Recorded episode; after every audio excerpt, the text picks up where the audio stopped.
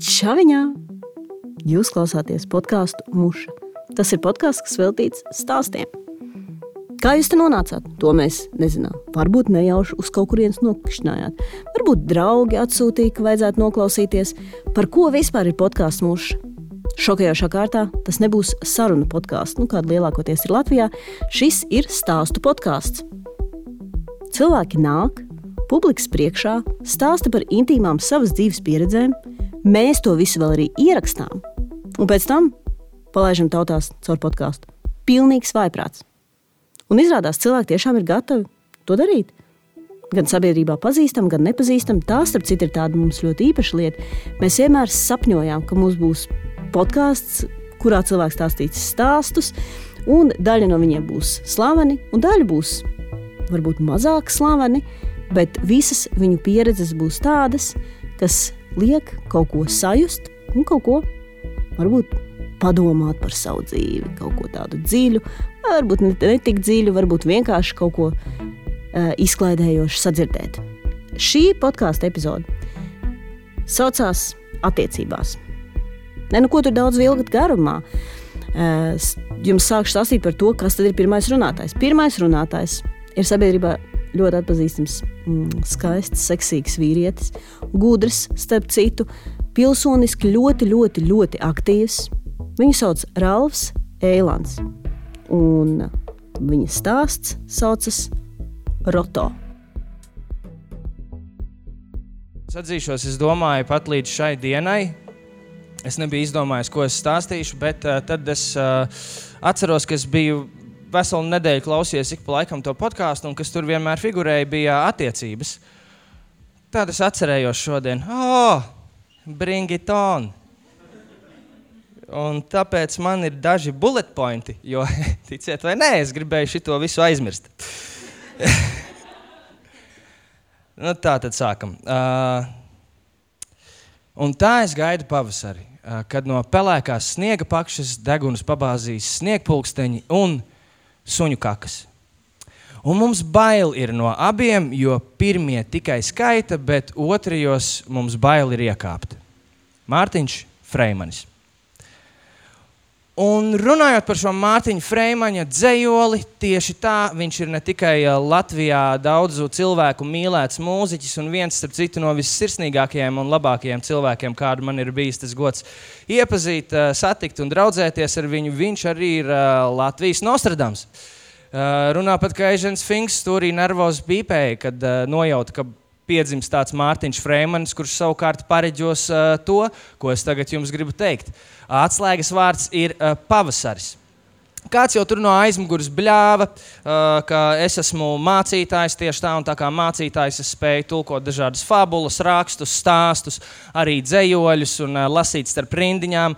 Un viņa dzējolī par degunas pabāzīs sniegpulksteņi. Es jums varu pateikt, ko viņš ar to domāja. Sniegpulksteņi ir domāti visādi sūdīgi lēmumi, kuri pēkšņi rodās pavasarī Jo pavasarī cilvēki sāk uzvesties tā kā 9. klase, vienkārši tālruņā. Pēkšņi pašai vienkārši vaļā aiziet, vienkārši maucam, blr, aiziet. Cilvēki sāk ģērties pēc kalendāra, ne pēc tā, kā viņi jūtas. Un Rāls, uh, diemžēl, sāk domāt ne ar to galvu, ko Dievs viņam ir devis uz pleciem. Un, uh, šie sniegpulksteņi mūs tā ap, ap, apvirmo un tā apdulina mūsu galvu, ka mēs spējam vienkārši neskatoties ielikt to kāju tajā suņa žļurgā. Un man ir uh, viens uh, konkrēts uh, gadījums, uh, kuram ir arī vārds. Bet uh, es uh, no, uh, draudzības nolūkos aizstāšu to vārdu ar roto. Uh, ja jums šķiet, ka tā ir tāda draudzīga spēlīte par vēdra vīrusu, eh, tā nav. Tas ir vienkārši tas, lai jūs saprotat, ko es eh, tagad tās iešu. Um, bija, bija, bija, bija, bija tāds laiks, tas bija pavasaris, uh, agrs pavasaris, un uh, Ralfam bija 17 gadi, viņš vēl gāja skolā. Un, uh, viņam pagadījās tāda situācija, ka viņš iepazinās ar uh, stipri vecāku sievieti, kuru sauc Roto, kā mēs jau zinām. Un, uh, neteiksim, ka viņš samīlējās, bet Roto viņu uh, samīlināja sevi, viņa pati samīlējās viņā. Un īstenībā tajā brīdī man likās, ka tas ir baisais bonus, jo 17 gados tā ir vidusskola, es gāju 10, 11, neatceros, kura klase. Uh, Uh, un, un, un, un, un, un man šī baigi cool, jo es esmu vienīgais čalis klasē, kuram ir draudzene. Tas jau ir bonus. Uh, tikai tam vēl nāca klāt uh, vēl viena jautrā attraktivitāte. Uh, piemēram, tas, ka Roto pateica, nu, kā pieaugusi sieviete jau, nu, vai nu ir, vai nu nav. Nu, ja ir, tad ir, ja nav, tad nav, ja ir, tad darām. Tāpēc mēs uzreiz ievācamies kopā uh, dzīvot. Uh, Un, uh, jā, nedēļas laikā tas viss notika. Un, uh, un, un, un, un vēl nenormāli inčīgi arī bija tas, ka Roto uzskatīja, ka vīrietim ir jāmaksā par dzīvokli. Un, ja es kādā, jā, yes, tieši tā. Ja, ja es kādā brīdī sāku sprēgāt, tad Roto man teica, vispār aizveries, tu esi stulbs un tu ej vēl skolā. Bleģ. Loģika. Vienkārši super savēlkās. Uh, kāds sakars? Nu, ja es eju skolā, tad nafik tu nemaksā. Protams, man bija arī jāpērk visi pārtiks produkti. Un, ui, ui, ja man kāds tagad pārmet, o, Ralf, tu tur vari aizbraukt tur, tu vari aiziet uz tādu koncertu, tu esi tur nopircis šito. Pļāviens, es esmu izdzīvojis dzīves laiku 17 gadīgs Ralfs, kad es eju veikalā un pērku marinētus gurķus, nevis tos, kuri garšo, bet tie, kuri ir uz atlaidi. Tas, tas, tas, ir, tas ir vienkārši briesmīgi. Uh, tālāk.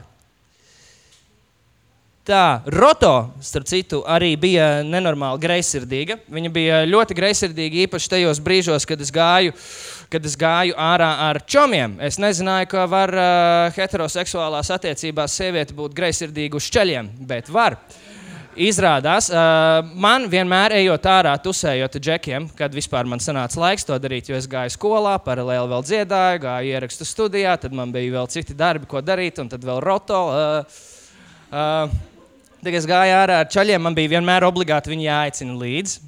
Protams, uh, uh, un uh, tajās, tajās reizēs, tā, kad viņi atteica, kas bija ļoti, ļoti reti, uh, tajā brīdī, brīdī, kad es nācu mājās, uh, es pirmām kārtām tas bija ne tikai tad, kad es nācu no ceļiem mājās, tas bija tad, kad es nācu pēc skolas un mēģinājumu, kas vai koncerts iekrīt, tie ir kaut kādi viens naktī, reizēm desmit, ja tas ir vēl pēc mēģinājuma. Es tā kā staigājos, es tā kā mūsu dzīvoklis, kur es īrēju, forši. Es tā kā apgāju vairākas reizes apkārt tai ēkai, un tikai tad es saņēmos iet iekšā, augšā pie viņas. Un, ja tas ir vakars pēc ceļiem, tad man ir jāizliekās, ka bija nenormāli sūdīgi, vispār nebija par ko runāt, dzērieni bija atšālējušies, un es nevarēju vien sagaidīt, kā tikt pie tevis. Ja man netīšām paspruka, kā bija baigi labais vakars, tad, piemēram, nākamajā dienā, kad es viņai pavaicāju kaut ko tādu, kā nu varētu uh, aiziet kaut kādā brančā vai ko, tad viņi man atbildēja uzreiz, nu ej ar Artūru, ja tev viņš tā patīk. Ko tu ej ar mani? Un, uh, es domāju, ka šis uh, mūsu attiecību mikroklimats uh, jums ir uh, nē, vēl, vēl papildinot. Uh, man bija, tas mans grafiks bija darba dienā, bija tāds, septiņos no rīta es cēlos, uh, tad es taisīju brokastis, man un Roto. Uh, kurus mēs ēdām, tad, tad, tad, gā, tad mēs gājām katrs savā lietā. Es uz skolu, viņa uz darbu atgādināšu. Pieaugusi sieviete. Tad es aizgāju uz skolu, tad es biju skolā. Uh, dzīvojos pa skolu, darīju skolas lietas. Reizēm es gāju no pēdējās stundas prom, jo man bija vai nu kaut kāds mēģis, vai nu kaut kāds uh, pasākums, vai nu kaut kāds ieraksts, vienalga nav svarīgi. Uh, Uh, tad es ap kaut kādiem sešiem vakarā uh, devos uz uh, vēl kādu citu pasākumu vai mēģinājumu. Centos kaut kā arī sapelnīt kaut kādu naudu, rakstīju dziesmas, tam visam arī jāatliek laiks. Un tad ap desmitiem vakarā es biju mājās. Uh, Tanī laikā teorētiski, kad man vajadzēja pildīt mājas darbus, Roto mani zāģēja. Uh, Uh, Roto man pamatīgi zāģēja, un es uh, tajās attiecībās es vienkārši klusēju, es to vienkārši uzņēmu uh, milzīgi virsū, un es uh, vienkārši nevarēja izturēt. Es viņai teicu, vienkārši ejam gulēt. Man liekas, ka tā būs labāk. Iekāpjot gultā, es apgulos, domāju, nu būs miers, bet nē, viņa pagriezās pret mani un vispār tu stulbs, ka tu nedebatē, tu tā kā nerunā, attiecības vajag izrunāt un tā. Un es viņai parasti pateicu, zini, kā ir. Es celšos septiņos un taisīšu mums abiem ēst. Tikmēr tu vari man vienkārši teikt visu, ko tu domā, bet tagad man vajag izgulēties, lai es no rīta pamostos un darītu atkal visas savas lietas. Tātad jums šis mikroklimats ir skaidrs, un uh, es kļuvu par mācītāju, acīm redzot, ne tikai ne, ne tāpēc, ka es vienkārši gribēju kļūt par mācītāju, vienkārši biju ļoti tuvu tam čalim, kuru piesita krustā. Es biju nonācis tādā situācijā. Un te ir uh, vienkārši viens āķis stāsts par pavasari. Pavasarī mūsu mīlas iemīlēšanās laikā ir arī visiem zināmais 8. marts. Un e, es ejot skolā, vēl īsti nesapratu, ka nu, ir tāda stēle, ka nu, nevar ticēt uh, sievietei, jo īpaši, ja tā ir roto, ja viņi tev pasaka, ka 8. mārciņš ir bullshit, un uh, viņu neinteresē ziedi, un vispār mīlēt var katru dienu, un nav tāpēc īpaši tajā dienā kaut kas jānopērk un viņai jāatnes. Un, uh, es nu, uzskatīju, ka tā ir patiesība, ja reiz viņa tā ir pateikusi. Un, uh, pēc, eh, pēc skolas eh, ar savu skolas somu mugurā iztēloties. Ja? Es joprojām esmu skolnieks. Es eh, devos mājās un uz dzīvokli, kuru es īrēju. Es to atvēru vaļā un ierados. Un kā viņa mani lamāja, jēziņ. Tik daudzās valodās nosauc par losi. Šito es nebiju gaidījis. Un, tā kā mēs daudz ko darījām pēc viņas iegribām, viņai radās arī vēl viena ģeniāla doma, ka mēs izdzēsīsim visu šo, kas ir noticis. Un, un, un es došos ārā un nopirkšu ziedus un ieradīšos pa jaunam. Tā kā pārsteigums. Jā, nu, tā es arī darīju. Uh, ņemot vērā to, ka man nauda nebija, um, es uh, aizgāju uz centrālu tirgu kur var dabūt vislētākos ziedus. Un uh, sagrabināju nu, tās pēdējās kapeikas, kas man ir. Uh, e, e, Latus, to laiku. Ja. Uh, Latus, kas man ir, un, un iegādājos nu, visforšāko, kuplāko, ko es vien varēju iegādāties. Devos mājās, atvēru durvis. Šī akla lamājās. Un tagad pastāstiet man, 17 gados, man tikai pēc tam tur sāka eh, čomi radi mirt, es vēl nebiju saskāries ar nāvi. Kā es, bleģi, varēju zināt, ka es viņai esmu nopircis bēru pušķi? Kāds, kāds sakars?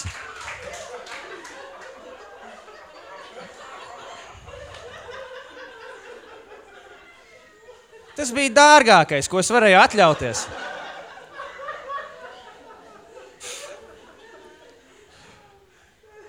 Uh, protams, Roto, kā vienmēr noteicējis mūsu attiecībās, uh, izlēma, kā atrisināt šo situāciju. Viņai redz, varēja palīdzēt tikai viesnīcas numuriņš un vanna, uh, kur uzsauks Ralfs, protams, skolnieks. Un, un, un tad es aizņēmos naudu no čomiem, paņēmu viesnīcas numuriņu. Un, uh, es ļoti ceru, uh, ka šī bija pirmā un vienīgā reize, kad es viesnīcā gulēju uz grīdas. Jā, jo tā kā pa pusē piedodu, bet ne līdz galam. Te ir tava vieta, gula zemē. Um, es atceros, jā, tas, tas bija diezgan tāds traumatisks gadījums. Es atceros uh, pēc tam, ka, kad, kad notika tas lūzuma punkts, nu, ka, es, ka es sapratu, ka kaut kas nav riktīgi. Īstenībā tas, ka tev ir vecāks cilvēks, ar kuru tu vari sakarīgi parunāt, nevis tikai par pirmdieniem, kā ar klases biedriem skolā. Jo skolā mēs visi pārvērtāmies par primātiem. Mēs tur ārdījāmies. Nu, džeki vairāk, meitenes tā. Un, uh, Jā, un, un, un saprotu, īstenībā nav tik forši. Nemaz, nemaz nav tik labi. Un bija viens, es atceros, tāds čaļu vakars, kur es gāju ārā ar Walteru Friedenbergu. Un es, protams, kā pienākās, prasīju tam, pirms tam Roto, vai tu arī vēlies nākt. Un viņi teica, nē, ka viņi nevēlas nākt. Es tā domāju, o, oh, cik žēl, un pie sevis yes. Uh, gāju ārā, mēs satikāmies. Un uh, Džekija jau uzreiz izvilka uzvilki savus olas draudzenei no somiņas. Ugh, viņi beidzot tevi palaida. Nu, visi šitie te jociņi. Un es biju riktīgi pikts un dusmīgs. Un es gribēju pierādīt džekiem, ka man ir mugurkauls. Un tajā brīdī man zvana roto. Un viņi sāk vēl vairāk rēkt. Ugh, tev būs jāiet mājās. Tā, Nē, es pacēlu klausuli. Viņi man saka, Čau, Ralf, klausies, es izdomāju, ka es vēlos arī nu, pievienoties jūsu pasākumam. Un es viņai atbildēju, es atceros tajā brīdī, Zini, Roto, nē, mums šovakar ir džeku vakars. Es, es sajūtos tik spēcīgs, es sajūtos tik spēcīgs un varens, ka vienkārši pēc tam viss tas sāka brukt un juk, jukt. Uh, mums, mums vēl attiecību laikā bija tādas situācijas, piemēram, kad uh, uh, jā, Pēc tam uh, bija man uh, balīta viena dzimšanas dienas, kur viņa atļāva, viņa atļāva dzīvoklī, kuru es īrēju uh, uzrīkot uh, balīti. Un, uh, viņa nu, izgāja tam viesu sarakstam, un viņa atļāva pasaukt tikai ceļus. Man, man bija pirms tam, pirms es ar Oto draudzējos, man bija vairākas draudzenes. Nu, tā kā dra draudzenes, normāls draudzenes, ne tā draudzenes. Un uh, viņa atļāva paņemt vienu meiteni. Uh, tas, tas bija nenormāli briesmīgi, tāpēc ka tā ir meitene, kur visu laiku viņa teica, ka tā ir tā tava nesmukā draudzene. Tāpēc viņa var nākt. Un bija tāds, tāds pasākums, uh, kur man draugi pa visām ārēm centās vilkt malā un ik pa laikam skatīties tos viņa ērgļu skatienus un nenoķert, lai viņi varētu man pastāstīt, Džekiņ, šis nav kārtībā, tev kaut kā jātiek ārā. Uh, es tad, kad gāju pa ielu un nejauši uzdūros uh, kādai savai draudzenei un uh, parunājos, es pēc tam viņai sūtīju ziņu, kā, ja kas tam mēs nejauši satikāmies, ja kāds kaut ko redzēja. Un tad man atnāk atbilde, nu, bet tā arī bija. Un tad es tāds pie tā arī paliekam. ļoti labi. Un tas, tas, viss, tas viss gāja tik traki. Uh, jā, ka es beidzot saņēmos uh, izšķirties. Uh, tas notika ar vairākām reizēm, uh, kaut kādām četrām, manuprāt. Četras reizes mēs šķīrāmies un gājām atpakaļ kopā. Un tajā brīdī, kad no tādām attiecībām šķiries, uh, Es nezinu, varbūt jums tā ir bijis, varbūt jums tā nav bijis. Es jūtos nenormāli vainīgs, uh, jo es galu galā sākumā esmu kaut ko tam cilvēkam apsolījis, tur teicis, ka jā, mēs tur uh, draudzēsimies, tur uh, dzīvosim kopā. Viņi pat man teica, foršu piedāvājumu, nebaidies, tu tevi 17, es tā kā nespiedīšu bērnus, varu pagaidīt. Pēc gada, kad tev būs 18, pēc gada, kad man būs 18 Un, uh, un es jutos nenormāli struntīgi, uh, kas ir laikam kaut kāds trends man, uh, ka šķiroties es atstāju visām savām bijušajām kaut kādas dāvanas. Vienai es atstāju jumtu bagažnieku, citai ceļojumu. Nu, tā, ka, zin kā, brauc pati. es nepievienošos. Uh, un, un, un Roto sanāca atstāt vienu tādu sadzīves tehniku, uh, un īstenībā arī dzīvokli, kur es īrēju. Uh, tur, tur, uh, jo es jutos vainīgs, un man šķita, ka es esmu tas ļaunais tajās attiecībās. Man, man šķita, ka es daru visu nepareizi. Viņa taču ir pieaugusi, viņa taču ir sakarīga, viņa visu saprot. Es esmu stulbais skolnieks. Un es atstāju arī to dzīvokli, jo viņa man teica, klausies, Ralf, Uh, man uh, ir tāda situācija, ka nāks, nāks arī iekšā viena tāda mana draudzene, arī cipa tavā vietā, tā kā tu ej prom. Un, uh, un es ļoti priecātos, ja tu varētu vēl maksāt par to īri pāris mēnešus, jo nu, man ir tā kā kauns viņai uzreiz prasīt, un, un, un, un, un, un man ir tur grūti ar naudām. Un es, lai atpirktos, to, jā, jā, nu, nekāda problēma, viss kārtībā, mēs varam par šito vienoties. Un tad es vienu dienu atceros, eju pa skolas gaiteni, rīktīgi priecīgs, tāds atbrīvots un viss forši. Un, uh, es uh, skrolēju Facebook, vai kas bija tajā laikā, pat draugi bija. Um, un, un ieraugu, ka viņi ir ar uh, draugiem aizbraukusi uz siltajām zemēm. Un tāds baigi interesantā situācija sanākusi, bet viņi nav ar to uh, dzīvokļu biedreni jauno. Nu, es paņēmu telefonu, es viņai tur piezvanu tai dzīvokļu biedrenei, jo mums bija labs kontakts ar viņu, sakarīga, sakarīga dāma. Es viņai saku, čau, čau. klausies, ar, ar, ar, tu, ar tu maksā roto īri? Viņa saka, nu kā, nu jā, jo viņa teica, ka jūs tikko šķīrušies, un tu jau nemaksāsi, un, un, un viņai ir grūti ar naudām. Un tad es, uh, tad es viņai atbildēju, nu, jā, zini, kā es arī maksāju dzīvokļu īri. un viņi tagad ar draugiem ir siltajās zemēs. Uh, uz ko tā viņas draudzene atbildēja, ok, saprotu, bet vai es drīkstu te palikt, man te patīk. es viņai teicu, nekāda problēma, vienkārši rēķinies ar to, kāds cilvēks viņa ir. Un uh, te man atmiņā nāk uzreiz uh, teiciens, uh, ja kāds no tevis dzīvē aizņemās piecīti, un tu viņu vairs nekad neredzi, tu esi ticis cauri pa lēto. Un tā es arī jūtos šajā situācijā. Uh, es tajās attiecībās jutos tik tik nomākts, tik morāli nekāds. Es nespēju izdarīt neko labi. Nu, pilnīgi nekas man nepadevās. Un tikai pēc tam, kad es izšķīros, pēc pāris mēnešiem, es sapratu, sajūtoties atkal nenormāli labi, ka tās attiecības bija tas, kas mani nenormāli nobendēja. Un tas stulbais pavasaris, uz kuru es baidos uzrauties arī tagad.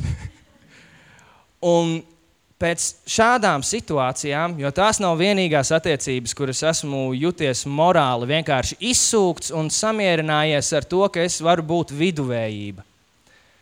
Pēc šādām attiecībām man nenormāli ir sācis besīt, kad cilvēki, vaicājot kādam citam cilvēkam, parasti man tā nevaicā, kaut kādā tusikā, vai tu esi attiecībās, un ja tas cilvēks atbild nē, tad ir tāds, oh, nu, gan jau, gan jau. Bļaļ, nē. jo tu vari uzrauties pirmām kārtām uz roto. Tas var vilkties ilgi, tev nezinot.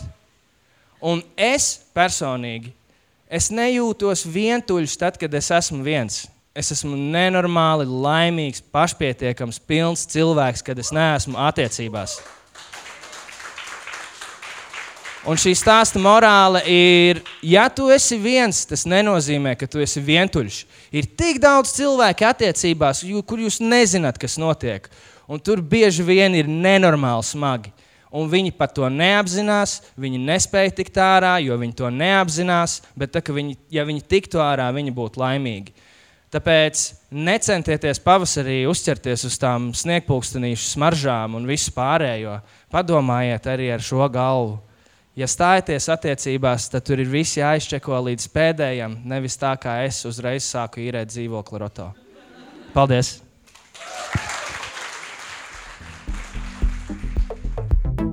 Paldies, tev, Ralf, ka biji kopā ar mums un izstāstīji savu stāstu. Un es domāju, ka esam gatavi arī mūsu nākamajam stāstniekam.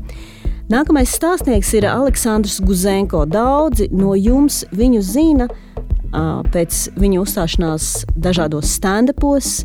Viņš visu savu nedēļu, nu vismaz tā man šķiet, pavada non-stopā, esot dažādos open micos un uzstājoties jebkurās vietās, kur vien kādreiz ir vajadzīgs kāds, var, kas var uzstāties stand-upā. Viņš ir ļoti, ļoti jauks un krūts un foršs vīrietis. Un, mums bija ļoti, ļoti liels prieks, ka viņš atnāca pie mums uz mušu un izstāstīja stāstu ko mēs esam nosaukuši romantika. Uh, es kā komiķis uh, divus gadus atpakaļ daudz braukāju uz Krieviju uzstāties, un arī esmu Krievs. Un, um, un tur bija tādi interesanti piedzīvojumi, kurus vispār nebiju plānojis nekad. Es vienreiz sēdēju bārā, uh, džēza barā, un uh, man abās pusēs no maniem apsēžas divas meitenes, ļoti smukas meitenes. Un viņi saka, atklāti, flirtēt ar maniem. Tipo, o, ko tu, ko tu šeit dari? Da, da, da, da, da, negribu aiziet kaut kur, kur, kur. Un viņas man ļoti patika. Un vienā brīdī es domāju, man vajag atklāt, viņi, at, atklāt viņiem pateikt, ko es jūtu. Un es, viņi teica, vai ejam ar mums, ejam. Un es, kā, es pat atklāti pateicu, zinu, ko man ir bail. kā, kāpēc? Es saku, nu, man nekad dzīvē nebija tā, ka pat viena smukā meitene apsēdies man blakus, vai ne? Un pajautā kaut ko. Tur ir divas, un viņas tā kā, o, o ko dari? Jā, un uh, tajā dienā es uzzināju, ka ir tāda profesija kā konsumātora. Varbūt kāds zina, kāds ne. Tas ir uh, meitenes, kuras strādā bāros. Viņa, viņa profesija ir tēlot, it kā tu viņai patīk, vai ne? Ķipā, un tas ir. Un viņa tā kā. Uh, ta, un tas, uh, viņa, ķipa, tu, piemēram, pērc viņai dzērienus kaut kādus, ja? un viņa tēlo, ka viņai vispatīk, īstenībā bērnus viņai lej ūdeni un tā tālāk. Vai vēl sliktāk, viņa aizved tevi uz kaut ko citu, citu, citu vietu, citu bāru un tā tālāk. Jā. Un pēc tam man vispār, es sapratu, ka man nekad mūžā nebija problēmas ar tām konsumatoriem, jo es slikti izskatos. Zini, es slikti, slikti izskatos Man nekad dzīvē nebija tā, ka es ienāku telpā un visas meitenes saka, kas šitais tāds resnēs un priecīgs.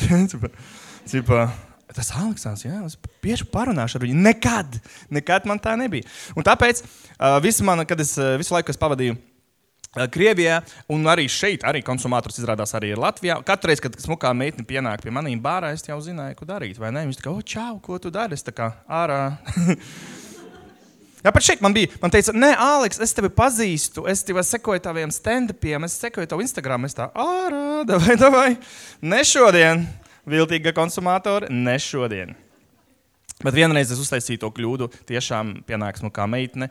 Krievijā mēs pārunājām ar viņu un iedzeram. Un nākamajā dienā izdomājām aiziet uz randiņu un uz kafejnīcu plus kino. Un tas bija tā diena, kad Delfos Sēžam kafejnīcā, un tā bija tā diena, kad Delfos parādījās ziņas, ka ārzemēs uh, vienu reperi sievu ir nogalinājuši. Viņi divas dienas mēģināja sagriezt viņu līķi gabalos. Jā, atceries, jā? un viņai nesanāca. Un es saku, meitenei, var iedomāties, divas dienas viņa mēģināja sagriezt līķi gabalos, un viņai nesanāca. Un meitene atbild, nu jā, taču sagriezt līķi tas ir ļoti grūti. Un es domāju, ko?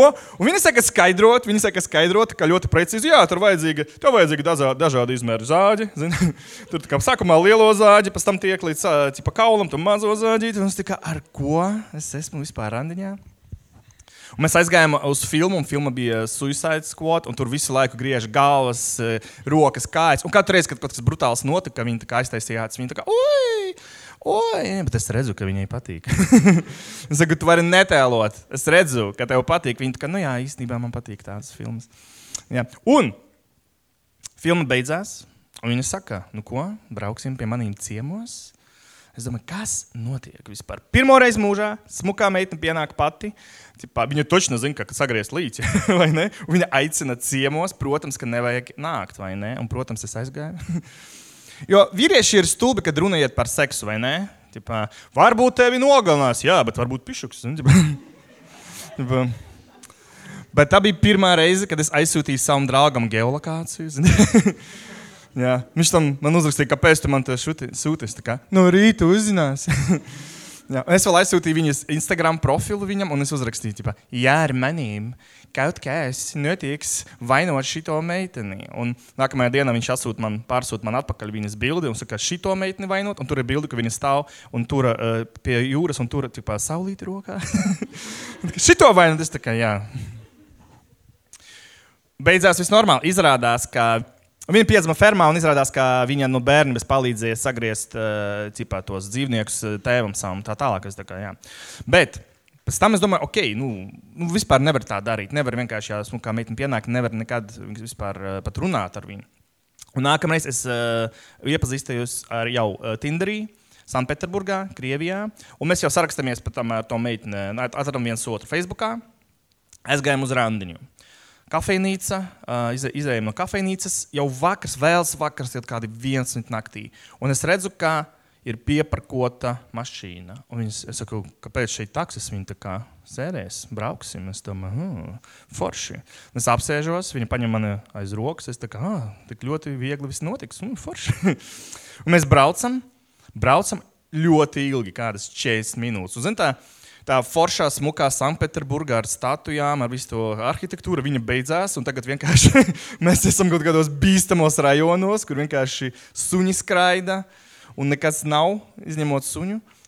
Un mēs piebraucam pie vienas ļoti vecās ēkas, un ēka izskatījās pilnīgi kā, kā nedzīvojama, ka tur neviena nav vispār, nu, viņa pamesta ēka.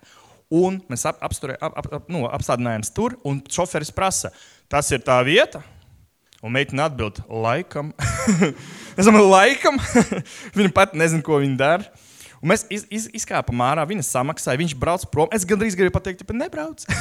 Lūdzu, nebrauc. Mēs, mēs, mēs, mēs esam in the middle of nowhere. Man ir bīstami, es nepazīstu to sievieti. Mēs atbraucam kaut kur. Tas taču nav viņa māja, tur neviens nedzīvo. Vienkārši vecs, piec, piec stāvu māja. Viņi saka, vai, ejam, ejam mājā. Man bija ļoti bail. Un es nezinu, es nezinu tiešām, kāpēc to izdarīju, jo tur pat par seksu nav runa. Vienkār, es nezinu, kāpēc.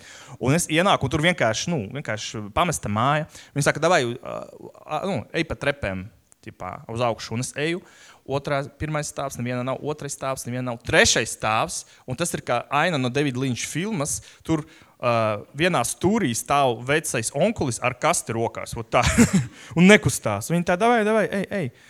Un, un tajā, tajā brīdī es tiešām padomāju, ka nu, viss, es esmu turists no Eiropas valsts, vai ne? Esmu no Latvijas. Un, e, tas ir tā sieviete, kur iepazīstās ar turistiem, un pēc tam viņus nolaupina, un nezinu, tur izgrieza nieres vai kaut ko nezinu. Bet man bija ļoti bail. Es, kā, es nezinu, kāpēc es turpināju iet uz augšu, uz to piekto stāvu. Un, kad es gāju, es jau plānoju, kā es skriešu atpakaļ, kā es lekšu virsū tam onkulim un kā es nezinu. Uh, Beidzot, mēs esam piektajā stāvā, un tur ir mazās, mazās durvis, durvis ļoti mazas. Viņi saka, atver durvis un ienāk iekšā. Un saku, nē, nē, nē, tu pirmā. Viņi saka, nē, tu pirmais. Es tiešām nezinu, kāpēc es to izdarīju. Jo nu, varēja atvērt durvis, ienākt, viņa aiztaisīs durvis manīm un viss. Un uh, es atveru durvis, ienāku iekšā. Un Tālāk es nesastīšu, man ir viss. joko, joko, vai gribēs uzzināt, vai ne? gribēs uzzināt. Un es eju iekšā. Un tur ir ļoti maza istabiņa, ļoti maza, kura sastāv no divāna. Puse pus istabas ir divāns, un o, visa siena ir kinoteātris. Un tur stāv galds, uz galda stāv šampānietis, šokolādes fondāns, fondāns zin, kur tiek nu, tāds. Un Un, un visa grīda ir uh, rozes, uh, kādas latviešu lapās. Ja? Tā kā lapnis, viss, viss ir rozes, tā kā, kā kaut kāda Disneja mūtene. Un viņa saka, tagad jau ir 12 naktī, un es redzēju Facebookā, ka tev ir dzimšanas diena. Laimīgu dzimšanas dienu! Jā. Jā. Tas bija pa jau. Viņa varēja to neteikt, ja es jau apkāpājos. Pirms tas tā kā varēja ātrāk man to pateikt. Un izrādās, jā, ka viņi uztaisīja, ka viņi atrada, viņi, viņi gribēja uztaisīt man dāvanu, un viņa atrada, ka ir romantiskais kinoteātris diviem, bet viņa pati tur nekad nav bijis. Tāpēc viņa prasīja ķipa, tam taksistam, kā, nu, laikam šeit, es nezinu. Nu, vo. un, uh, tur izmantoja tikai pēdējo stāvu vienkārši tam, uh, tam kinoteātrim, un tā, tā vienkārši rom, ļoti romantiska tā bija istabiņa. Un man nekad neviens nebija taisījis neko tādu. Nu, ka, un svešais, nepazīstams par lielu cilvēku, vai ne? Man nekad nebija tādas dāvanas. Un es viņai pateicu, ka es tiešām es domāju, ka tu mani nogalinās. Jā, un viņa pasmējās un teica, nē, nē, nē, tu mirsi pēc tam. Un iznāk ārā. un, jā, un iznāca ārā, un viņas nav 5 minūtes, 10, nu labi, 10 minūtes. Kā, man tās, tās visas eh, domas atgriežas. Domāju, kas, ka varbūt. Sāku atvērt to šampānieti. Un pēc desmit minūtēm viņa atgriezās, zina, kas, un viņai bija rokā kūka ar degošām svecēm. Jā, vai ne? Vai es varu dabūt ānu no šīs zāles? Jā, izrādās, ka viņi var organizēt man kūku. Jā. Tāpēc, jā, tur pavadījām uh, nakti ar to meiteni tur. Nepargulējām, nekas nebija, bet tas ir mans stāsts. Paldies! Paldies, tev, Aleksandr. Ja jums patika Aleksandrs stāsts, sekojiet viņam sociālajos tīklos un ejiet uz viņa stand-upiem. Tas ir tiešām, tiešām forši. Bet, starp citu, mūsu nākamais runātājs tas nav balts heteroseksuāls vīrietis. Tas ir, uh, tā, tas ir sievietis. tā ir sieviete Vika, uh, kas agrāk strādāja seksistē. Un tas ir tas iemesls, kāpēc patiesībā uh, viņa tika uzaicināta. Mēs taisījām uh, podkāstu ierakstu, kas bija speciāli paredzēts Praidam. Mēs gribējām dažādas LGBT stāstus, un tā skaitā arī par cilvēku daudz šķautņaino mm, seksualitāti. Un uh, Viku izdevās pierunāt, pastāstīt par savu pieredzi. Tā kā dāmas un cilvēki klausāmies Vikas stāstu, drusku izglītojos. Tas būs par maniem pēdējiem pieciem gadiem. Es centīšos piemest arī drusku humoru viņu klāt, jo būtu baigi bēdīgi, ja mans, manuprāt, priecīgais stāsts nebūtu vispār smieklīgs. Pēdējie man pieci gadi ir pagājuši seksistēlā. Mm, Es esmu no kultūras menedžera izglītības pārgājusi uz seksuālās informācijas menedžerēšanu, kā es to saucu. Uh, un tad uh, pastāstīšu, kā tad es tur nokļuvu, kāpēc, uh, kā tad tur tas viss uh, arī beidzās un kāpēc es tur vairs neesmu un kas tad uh, manā dzīvē ir forši tāds pēdējā laikā noticis.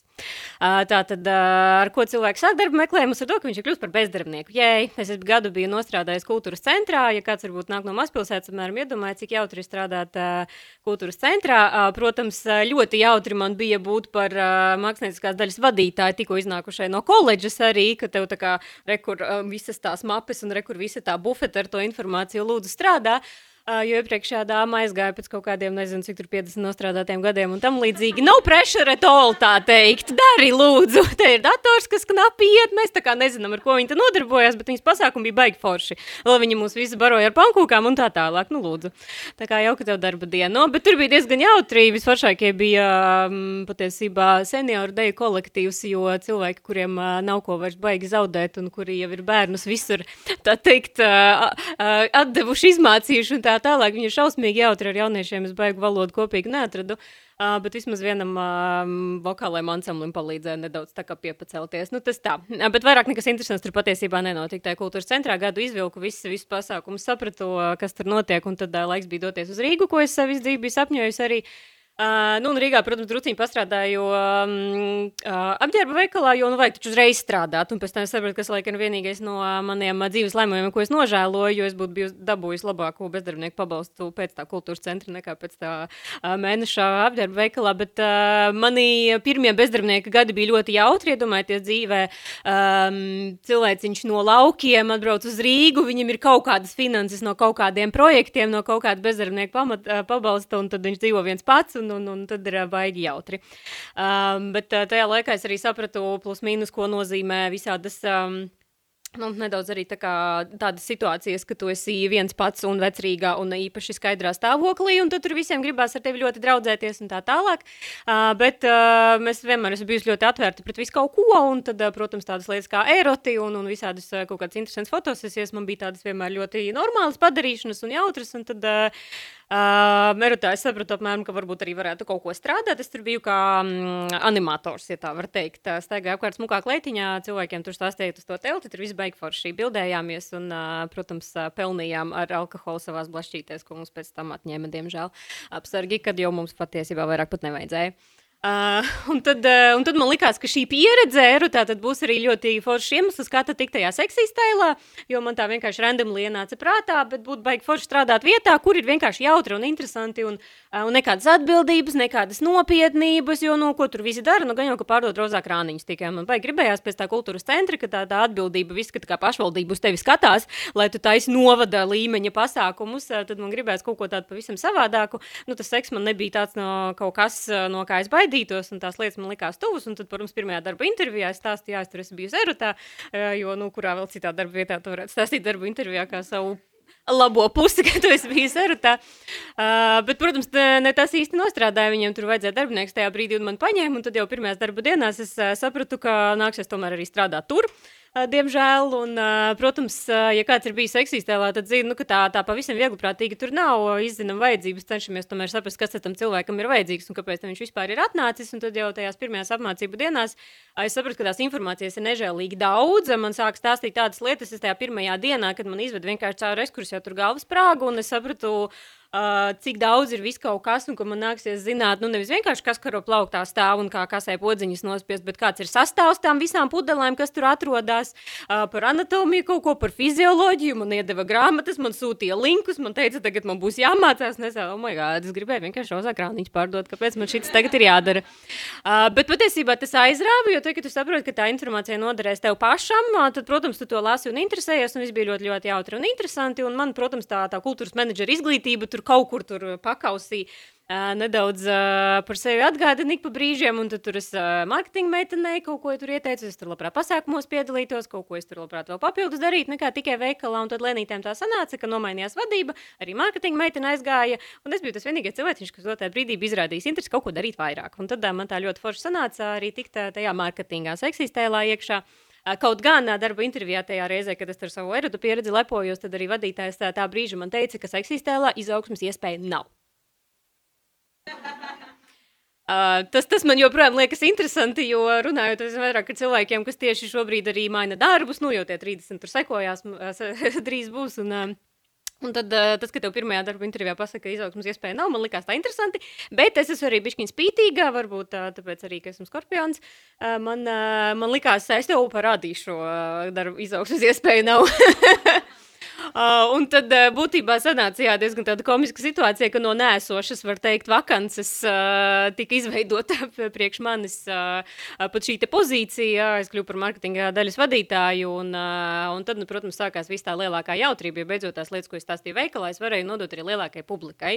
Uh, varbūt kāds zina, ja eksistē aktivitātes kaut kādā ziņā, nu, tur nāk, nāk no tā uzņēmuma viss iespējamais. Nāk video, nāk dalība pasākumos, uh, arī, arī tā veikalā konsultēšana semināri semināri, un vēl vakar bija viens seminārs arī uh, Praida nedēļas ietvaros. Uh, nu, tad bija baigi jautri to visu organizēt un darīties, uh, bet tad es sapratu, ka jo es dziļāk tajā visā esmu, jo es esmu tālāk no to rozā krāniņa pārdošanas, un viss aiziet nopietnāk, nopietnāk, nopietnāk. Un es bieži vien sevi pieķēru brīžos, ka Es runāju ar sievieti, kurai krīt dzemde ārā, un man par viņu ir jāuztraucās, jo neviens cits Latvijā par viņu neuztraucās. Un man tāds tajā brīdī nu, tā, tāds pārdomas, it kā forši no vienas puses, ka es zinu, ko viņai ieteikt, un kas, kas dzīvē viņu novedis līdz tādam stāvoklim, un kā, kuras ir problēmas medicīnas sistēmā valstī un, un, un izglītības sistēmā. Bet atkal, uh, nu, es esmu cilvēciņš, kas arī grib priekš sevis padzīvot, un man tagad nav jāuztraucās par uh, ļoti, ļoti daudz svešām dāmām dāmām, kurām tur ir ļoti šausmīgas veselības problēmas, jo ginekologi par to nestāsta, neviens par to nezina. Un tā iegurņa veselība man ļoti aktualizējās visā tajā laikā, jo man vienkārši šausmīgi nokaitināja, kāpēc par to īsti nerunā. Un uh, es nezinu, kā, kā jums daļa varbūt zina par to, cik uh, aktuālas ir šīs problēmas un, un cik ļoti par tām nerunā un cik ļoti normalizē visu urīna nesturēšanas un tā tālāk, bet tai nav jābūt normai patiesībā. Mēs te, prātā, ietvaros cenšamies, protams, normalizēt tās lietas, kas ir mūsu dzīvēs, bet ir tādas lietas, kuras nav jānormalizē. Un, ja tev ir problēmas ar iegurņu, ja tev tur viss ir sačakarēts un ne tikai pēc bērniem, bet vēl pēc kaut kā, pēc svaru celšanām un vēl visādām, visādiem brīnumiem, ko sievietes dara, nu tad, tad nevajadzētu īsti to visu normalizēt. Un tad, jā, un tad tas, protams, darbs ar ginekologiem, ar iegurņa speciālistiem, pieredzes apmaiņas, un beigās, nu jā, es ļoti tālu biju nu, no tā, ko es sākumā tur īsti gribēju darīt, bet tas, protams, bija ļautri, tas ļoti interesanti visu to redzēt. Bet kā jau jebkurā darbā ir foršās iespējas, un tad ir kaut kas, kas pilina, pilina, pilina un drusciņā apnīkstās kaut kurā brīdī. Un, jā, tad man bija tie foršie pieci, pieci gadi tur, un tad man likās, ah, nu, feina iespēja tagad varbūt doties prom. Protams, negribējās, bet man likās, jā, ka kaut kas ir izsmelts nedaudz, un ka varbūt jāiet arī nedaudz tālāk, visādas privātās intereses mainījās un tā tālāk.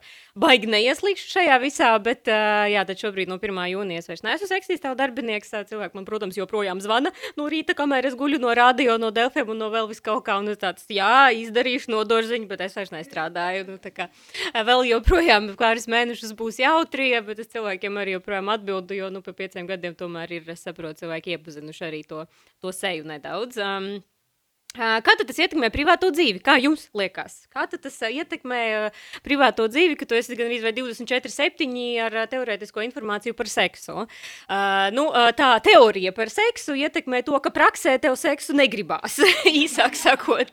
Jo, ja tu visu laiku par to runā, par to lasi, par to stāsti, par to redzi, ka tevi visi feedi visos iespējamos sociālajos tīklos ir pilni ar, ar, ar visiem iespējamiem seksu rotaļlietu ražotājiem, ar, ar, ar visādiem tur podkāstu un raidījumu radītājiem un tā tālāk. Tev tā seksa ir vienkārši tik daudz teorija, ka tu mājās vienkārši gribi darīt jebko, kas tikai nav seksīgs.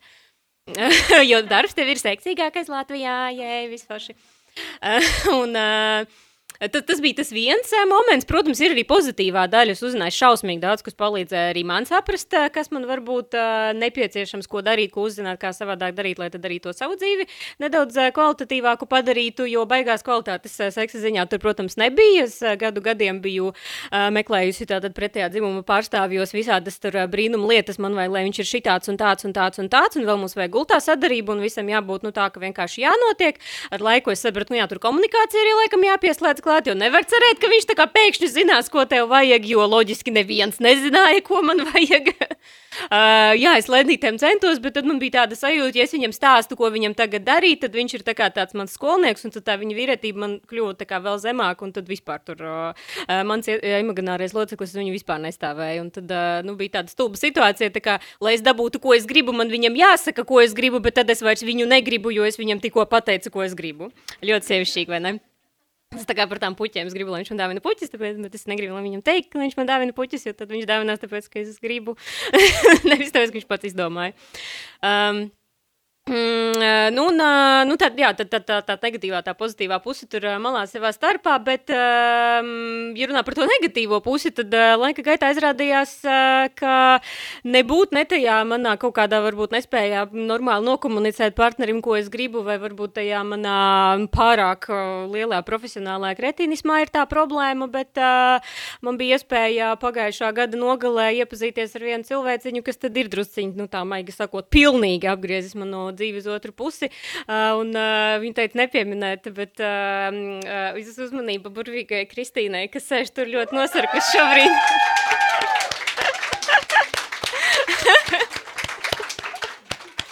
uh, Uh, nu, es tev pateikšu, milzīgi paldies, ka tu man parādīji tādas lietas, ko man neviens čels nekad dzīvē nav parādījis. Uh, Uh, un, uh, nu, šobrīd, uh, laikam, tāpēc es esmu arī pēdējā runātāja. Jūt kā teica, ka būs arī kaut kas negatīvs, bet uh, dāmas pirms manis arī uh, ļoti foršas lietas pastāstīja. Nu, tad, jā, tad, tad man dzīves stāsts ir drusciņi tā apgriezies arī ar to, ka, uh, nu, tā kā pretējo dzīvumu es, maigi sakot, nevis vienkārši neskatos, bet, ja godīgi, es nesaprotu, kāpēc viņš eksistē vispār, jo jēga no viņa man... Uh, jēga no viņa man dzīvē vispār nav nekāda bijusi, un es izmantošu ne savu joku, bet um, vienu joku, kas arī ļoti labi to situāciju parāda. Uh, nu, piemēram, te jūs varat redzēt mana tēva tetovējumu. ļoti labi redzās, jā. Nu, um, tie, kas klausīsies, tie tad... Uh, nāksies aizdomāties, cik daudz ir vai nav man uz rokas tur kaut kas uztetovēts. Un, jā, un tad ar visiem tiem maniem partneriem, kuri tad bija diezgan kvantitatīvā veidā man arī dzīvē, tad kā eksperimenta avoti, tad ne no vienas arī neko nebiju dabūjusi ārā, ne, ne sadzīviskā līmenī, kas man būtu pie, nu, pieļaujams, ne arī kaut kādā intelektuālā līmenī, kur nu vēl emocionālā vai, vai vispār seksuālā, kas tur vispār nestāv blakus nekam. Un, jā, kā es varu nobeigt savu laikam īsāk pat izdevušos nekā es domāju savu mazo mini dzīves stāstu pa, pa, pa, par pēdējiem pieciem maniem gadiem, kur tad uh, Paldies, protams, arī seksistēlam par iespējām pavērt to redzesloku plašāk un uzzināt lietas, kuras es varbūt dzīvē nekad nebūtu uzzinājusi, uz kurām arī paskatījusies, un, un arī uh, par iespēju tik daudziem cilvēkiem palīdzēt un joprojām būt uh, tajā visā nedaudz iesaistītai. Uh, paldies arī uh, visiem, kas organizē šādus fantastiskus pasākumus, lai ne tikai mēs savā starpā varētu parunāt, cik mums ir forši vai nav forši kaut kurā brīdī, bet arī panest to visu ziņu tālāk, uh, ko tad ir jānormalizē un ko tad nav jānormalizē. Uh, jā, un uh, es atgriezīšos pie savas uh, burvīgās uh, dāmas uh, un uh, cerams, ka varbūt pēdējās pat uh, manā dzīves pieredzē. Paldies! Nu ko, es ļoti ceru, ka jums ir laimīgas attiecības, ka jums ir viss forši seksā. Bet, ja nav, tad dariet kaut ko lietas labā. Ejiet uz seksīstāju, izlasiet kaut kādu grāmatu, par to, kā labāk nodarboties ar seksu. Neskatieties uz padomiem internetā. Nekādā gadījumā neiet uz sieviešu kursiem. Tur jūs neko neiegūsiet. Runājiet ar saviem partneriem ko, par to, ko jums vajag, ko jūs gribat. Bet, ja jums ir neveiksmes seksā, ne, tad tas ir laiks nākt uz podkāstu mušu un par to izstāstīt. Kur tad citur jūs to darīsiet? Nu, kad draugiem stāstīsiet, draugiem jūs noteikti esat visu izstāstījuši, un viņiem jau ir apnicis klausīties piekto un sesto reizi par to, kā jums neiet seksā. Bet podkāstā muša gan to visi pilnīgi noteikti novērtēs. Un turklāt varbūt arī kaut kādu mācību sev dzīvē iegūs vai kā citādi. Nu, īsāk, nē, uzvedieties labi.